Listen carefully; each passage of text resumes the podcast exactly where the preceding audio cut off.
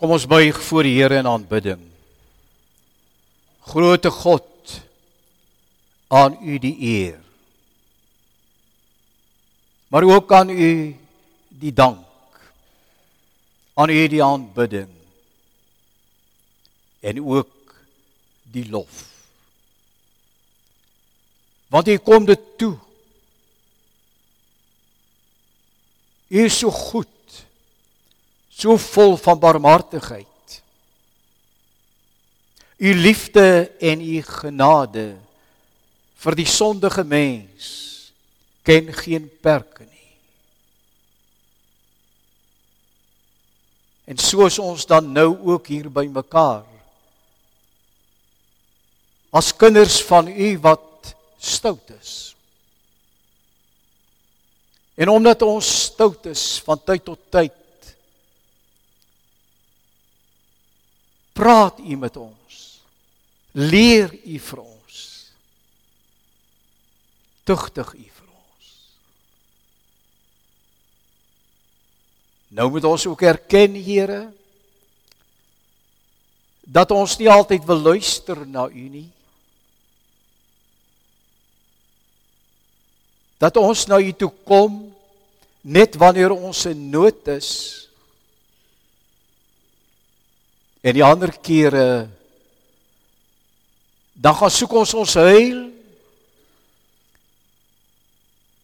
by die wêreld.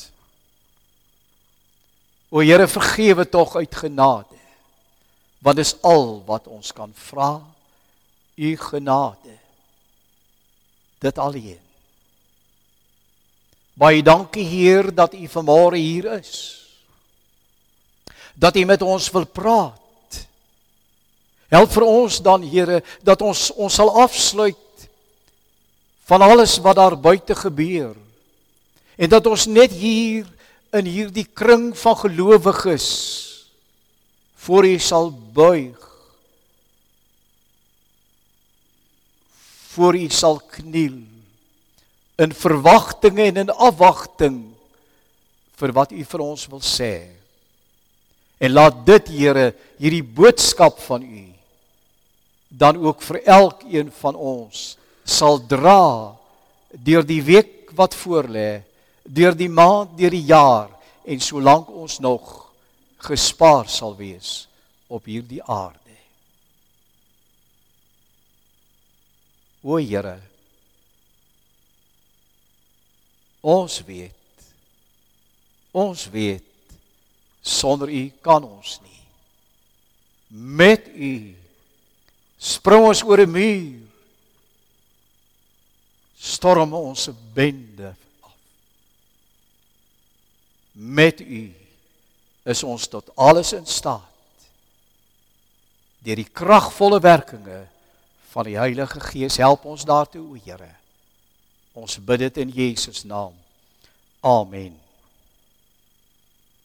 Ons skriflesing vanoggend kom uit Matteus hoofstuk 9, dis lydenstyd nou. En ons gaan so 'n bietjie daarby stil staan. Al klink hierdie versies wat ek nou gaan lees vir julle ver van lydenstyd af. Matteus hoofstuk 9 en ons lees vanaf vers 35 tot 38. Jesus het al die dorpe en klein plekkies besoek. En luister nou mooi. Wat het hy daar gedoen? Hy het die mense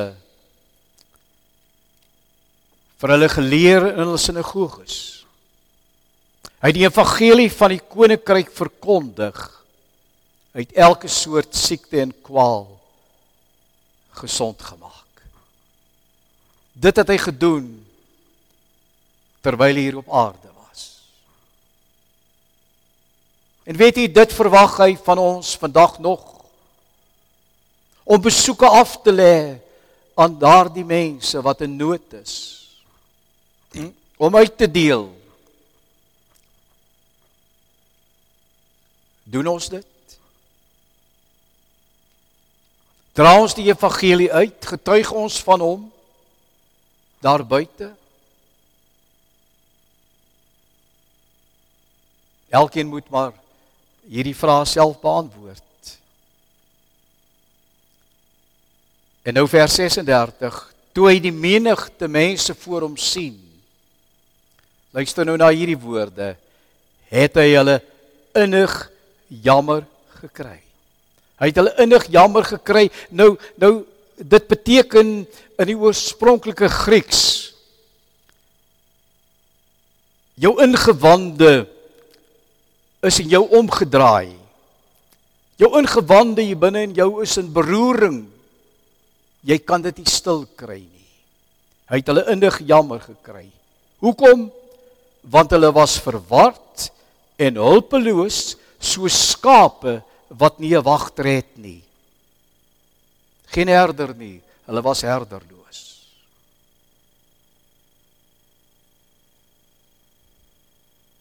Is dit nie ook vandag die geval nie? Hoe lyk ons kerkleiers? Lei hulle die skape van die gemeente? En van die sinode se kant af van hierdie land?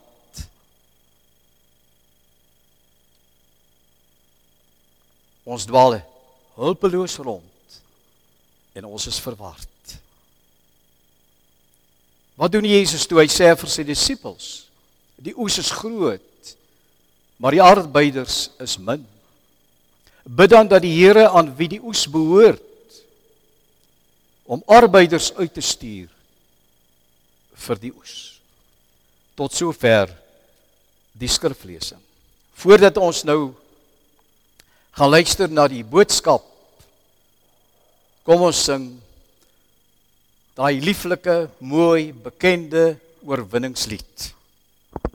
Kom ons dra dit terwyl ons dit sing ook aan die Allerhoogste op. En die almag van die Heer, die Allerhoogste wat in liefde oor sy koninkryk regeer. Hy het beloof aan die einde op die wolke kom hy weer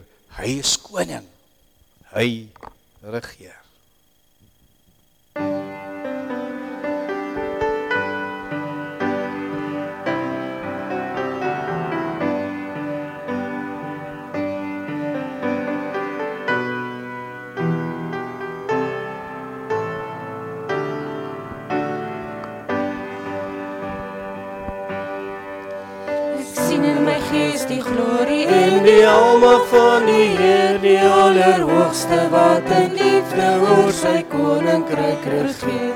Hy beloof aan die einde op die wolke kom hy weer. Hy is koning, hy regeer. Loof en prys hom, halleluja.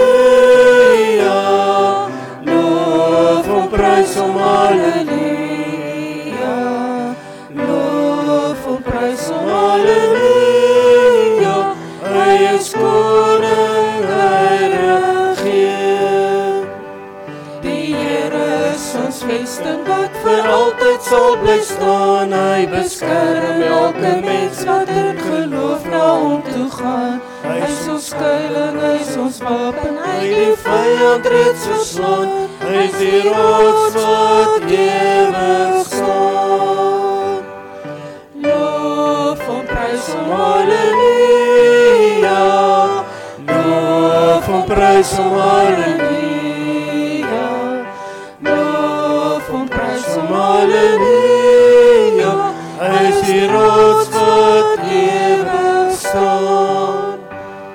Kom deel nou in ons loflied, hef jou hande op na bo, las basyne slaan op tromme en kom dans vir God se oor. Kom leef in die oorwinning van sy woord waarin ons glo, want sy woord sal ewig staan. Prys hom, halleluja. Loof en prys hom, halleluja. Loof en prys hom, halleluja. Want sy woord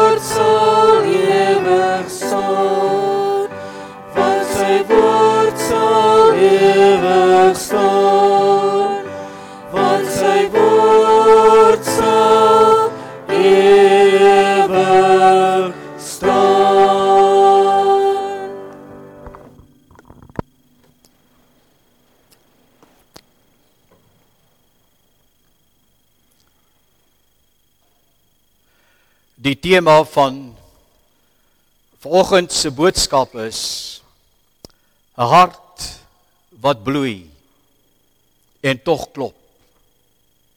'n Hart wat bloei. Maar wat nog klop. Dit bloei want dit het seer gekry. Dit klop want daar is lewe. Daar is lewe. Aan 'n kruis op Golgotha sterf Jesus Christus. En sy hart bloei daar vir jou en vir my. Sy hart bloei daar vir die mense. vir die onreg. Hy staan op uit die graf. En weet jy wat? Sy hart klop want hy leef. Hy leef vir jou en vir my. Om ons harte wat seer gekry het op ons lewenspad weer te laat klop. Want hy hou nie daarvan dat ons met 'n seer hart moet rondloop nie. Hy maak dit gesond. Hy laat dit weer klop. Hy laat dit weer klop. Hoeveel van ons wat vanmôre hier is, se harte klop warm vir die evangelie van Jesus Christus. Hoeveel van ons? Hy soek warm harte. Hy soek harte wat klop vir hom en sy koninkryk. Daar's 'n ou Indiese legende, 'n storie daar uit Indië uit. En dit is my so mooi en ek wil dit graag met julle deel volgens. Dis die verhaal van 'n jong man wat smoor verlief geraak het op 'n pragtige beeldskone meisie met die naam van Adina. En hierdie jong man het nog by sy ma ingewoon en hulle was baie geheg aan mekaar seun en moeder. Hulle was so gelukkig om so saam te bly. Maar Andina was nie daarmee gelukkig nie. Sy het nie daarvan gehou nie. Sy wou hierdie hierdie jong man net vir haarself hê. En sy het alle planne beraam want sy was bitter jaloers. Planne beraam om van hierdie ma ontslae te raak. En net hierdie jong man vir haar vir haarself te hou.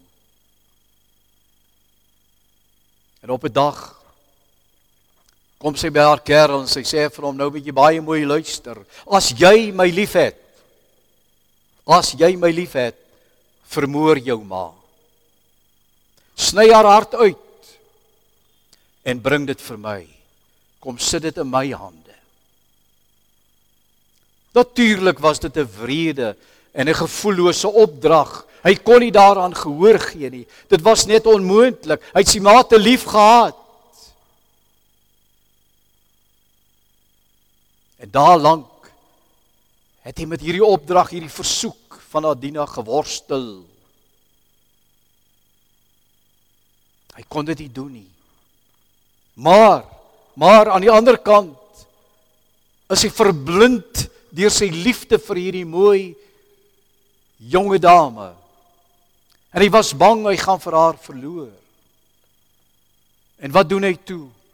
Een aand terwyl sy ma reeds slaap, gaan hy na haar slaapkamer en hy vermoor haar.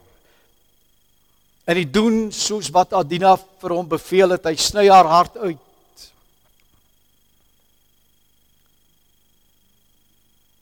En met daardie hart van sy ma hardloop hy vinnig uit die kamer uit en in die donker struikel hy en val Maar hy hou die hart nog vas en toe kom daar 'n stem, sy ma se stem, vol kommer uit haar hart. En hy sy vra vir hom, "Het jy seer gekry, my kind? Het jy seer gekry?" Net net haar kind se welstand is vir haar nog steeds belangrik. Sy het reeds gesterf. Het jy seer gekry, my kind? Sy bedoel, het jy seer gekry met hierdie val?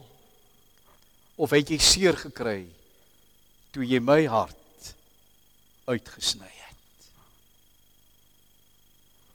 En hoeveel keer in ons lewe ek sluit myself daarbey in het ons nie Jesus se hart uitgesny deur ons optrede en dit wat ons doen nie. Het ons seer gekry toe ons dit gedoen het? Of was dit vir ons lekker?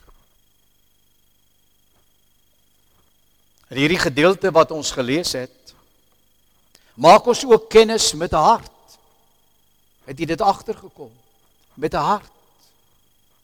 Die hart van Jesus wat aan 'n kruis gesterf het.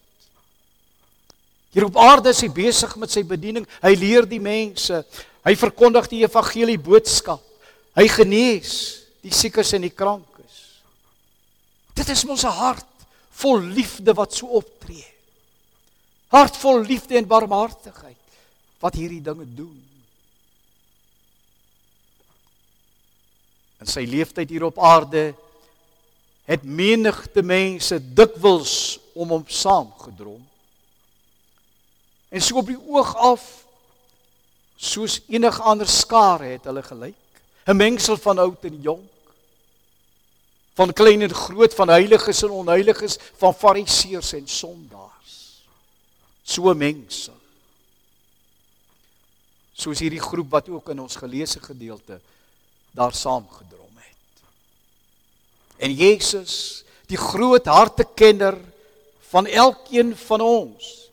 En net soos wat ons hier vanmôre hier teenwoordig is hier sit. Hy ken ons lewe. Hy weet wie ons is. Hy ken ons hart. Want die hart van die mens is tog die lewe. Hy kyk diep in die harte van hierdie mense voor hom. En hy weet hoe dubbelhartig hulle is. Aan die een kant hunker hulle na Jesus. Ons het dit hier gelees. Hulle hunker na Jesus, net om later uit te roep: "Kruisig hom, maak hom dood." Aan die een kant soek hulle iets van die koninkryk van God, maar aan die ander kant laat hulle toe dat Jesus vasgespijker word aan 'n kruis. Hulle doen niks daaromtrent nie. Daar aan die kruis sny hulle eerder sy hart uit. Maar hulle het hom misgis. Daardie hart sou nie sterf nie. Want daardie hart klop vandag nog.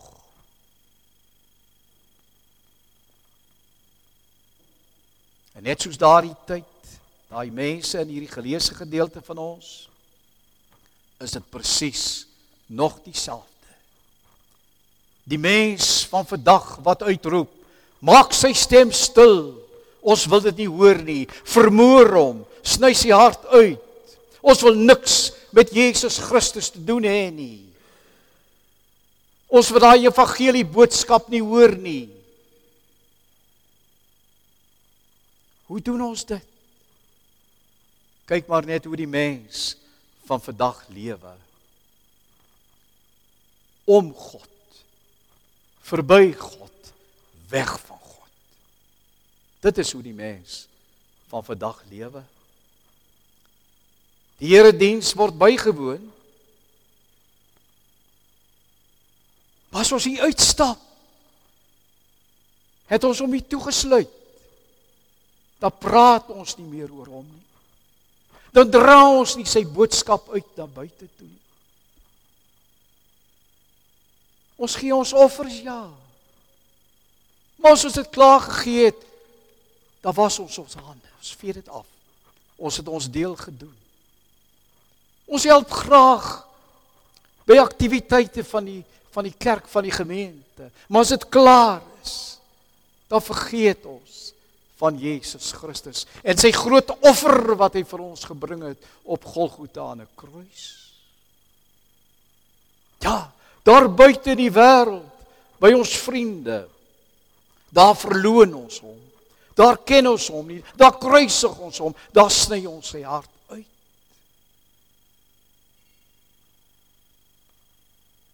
Maar geliefdes, daai bloeiende hart van hom. Want hy kry seer deur ons optrede. Hy kry baie seer en daarom bloei sy hart vir die mense nood, vir die mense ellende, vir die afgedwaaldes. Daai bloeiende hart van hom vir die mens sal nie stil word nie. Jy sal dit nie stil kry nie, sis, dit sal steeds bly klop en steeds die vraag vra, het jy seer gekry, my kind? Het jy seer gekry? Eintlik vra Jesus, is jy gelukkig om my so in die openbaar te verneder? om my te misken, om jou rug op my te draai met jou gesig na die wêreld toe. Het jy seer gekry deur jou optrede? Terug na ons geleesde gedeelte, Jesus kyk na hierdie malende menigte voor hom. Hy sien hulle sonder 'n herder, hulle is hulpeloos, hulle is moeg. Hy sien daar's leiers, die fariseërs en die skrifgeleerdes Maar hierdie leiers het misleiers geword. Hulle het valse herders geword. Hulle lei die volk na die afgrond en oor die afgrond. En Jesus weet dit alles. En wat doen hy? Hy kry hulle innig jammer. Hy kry hulle innig jammer Dit beteken hier Jesus is hartseer. Hy's gebroke, hy's in homself gekeer, 'n hart wat bloei vir die mens in sy sonde toestand. 'n Hart wat vanoggend nog treur. Want hy hart het seer gekry. Wat vanoggend nog bloei vir ons. Daai mense daar voor hom daardie dag. Die mense wat Jesus se hart aan die kruis sou, luister na die woord, sou uitsny. Kruip in Jesus hart in. Hy kry hulle jammer. Die mense wat Jesus se hart sou uithaal daar aan die kruis. Na hulle gaan Jesus se hart uit. Hy kry hulle jammer. Die mense wat sy bebloede hart in hulle hande sou dra draai nou op sy hart. Wat sê dit vir ons? Wat sê dit vir ons? God sit nie hartvogtig daar op sy troon nie. Sy oog is nie met haat gevul teenoor die sondaar nie. Hy vererg hom nie bloedig vir die gepeupel hier voor hom nie. Hy stuur hulle so meer na die verderf toe nie. Nee, hy kry hulle jammer Hy kry hulle jammer. Hy wil red. Hy wil red. Want want geliefdes, hy het 'n hart. Al bloei daai hart. Daai hart klop. Hy klop. Dis 'n beroering vir jou en vir my. Dwars deur die Bybel lees ons hoe hierdie kloppende hart hartklop gee vol van liefde. So klop God se hart vir die mens. Want daar is lewe in daardie hart. Of anders sal dit nie kan klop nie. Dis nie 'n sommer swart nie. Dis 'n kloppende hart.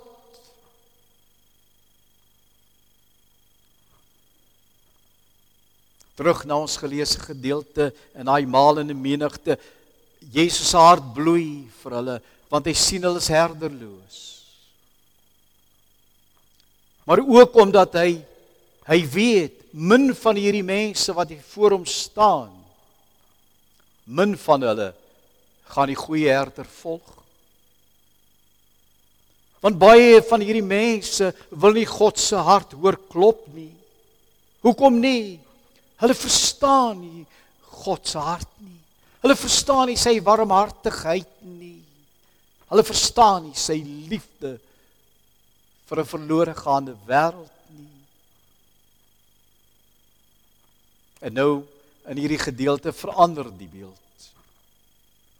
Die beeld verander van 'n herdelose trop mense na 'n wywende koringland. Nou moet julle mooi luister. Na wywende koringland. Vers 37. Die koring staan ryp op die land. En nou kom die vraag. Nou kom die vraag. Wie sal die oes inbring? Wie sal dit doen? Wie sal gaan vertel dat God se koninkryk naby gekom het? Wie gaan dit doen? Wie is daartoe bereid? Wat sê hierdie beeld van die wywende koringland vir ons? Dit dui op die eindoordeel. Daai oordeel wat eendag sal kom. Die tyd van afrekening. Vir die Jode van daardie tyd het die verlossingstyd aangebreek.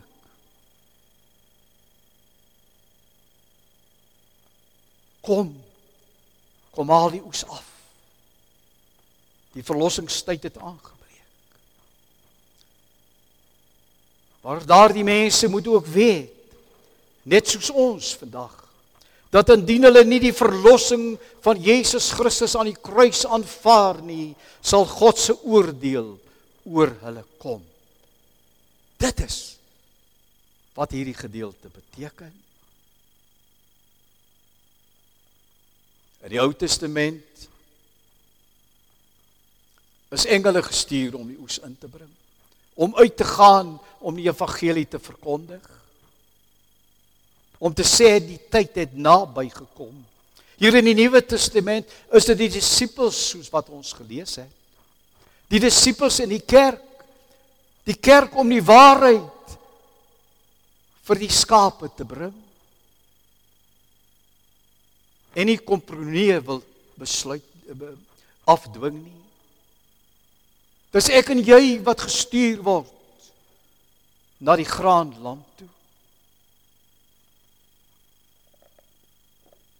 Is ons daartoe bereid? Hoe bereid is ons om werklik vir God te werk? Ja. Die woord sê vir ons bid. Bid dat die Here arbeiders sal stuur. Ons doen dit dan. Ons bid Here stuur die arbeiders. Maar daar stop dit dan ook. Ons doen dan verder niks nie. Ons hande is gevou. Want ons het mos nou ons deel gedoen. Ons het mos gebid.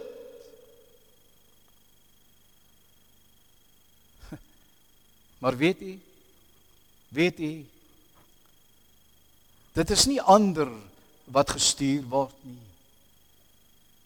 Dis ek, hierdie ou sondaar en dis u wat gestuur word.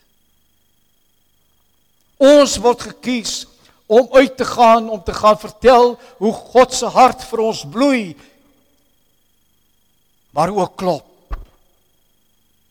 Hy wil hê dat ons verlore moet gaan nie.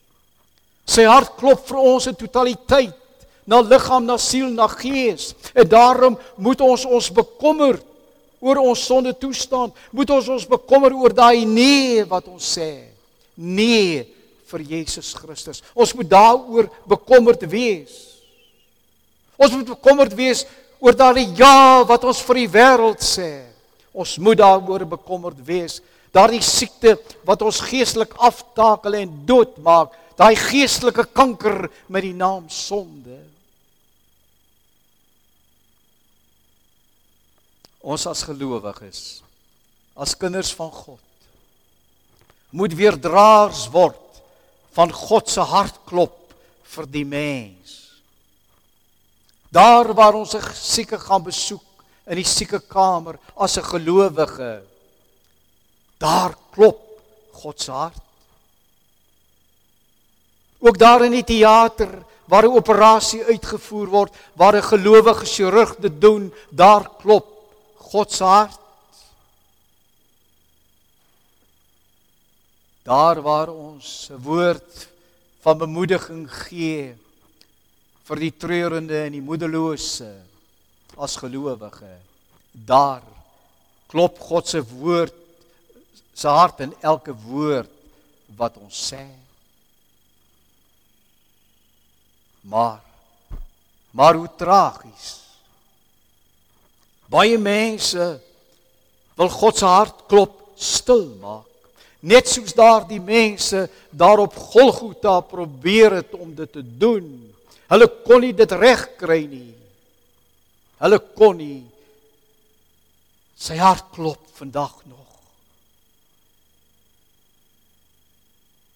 Maar ons ons wat sê ons is sy kinders word geroep by name om in sy naam te getuig van sy bloeiende en sy kloppende hart. God roep ons na die oesland om sy arbeiders te wees. Hy roep ons om die oes vir hom in te bring. En as hy roep, kan ons weier? Kan ons weier? Hoeveel keer het ons al geweier in ons lewe om nie daai oes in te bring nie? Daai ou een gerfie was dalk te swaar vir ons om te dra. En ons moet net daar op die land laat lê. Pla ons ons gewete ons vanoggend dalk. Het ons nie dalk reeds soos daardie mense op Golgotha Jesus se hart uitgeruk deur ons weiering om vir hom iets te doen nie, om kinders van hom te word nie. Is ons hande nie dalk bloedbevlek vanoggend nie? En as dit so is, daar kom vanoggend 'n stem na ons toe, 'n stem uit 'n hart wat seer het vir ons. 'n Hart wat wat jammer is vir ons, wat in die jammerte vir ons vra, kry jy nie seer om niks vir my te doen nie. Kry jy nie seer my kind nie.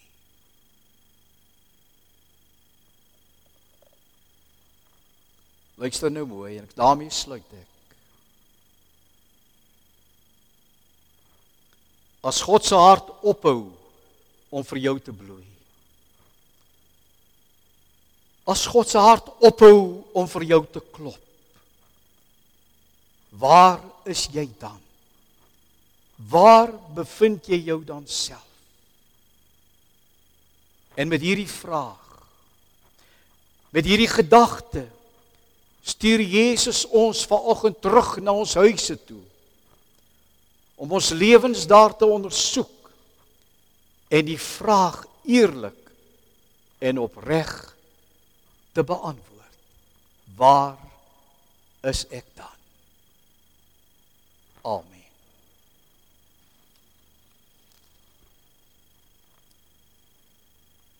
Ons hemelse Vader, nietig en klein is ons. Skuldig staan ons nou voor U.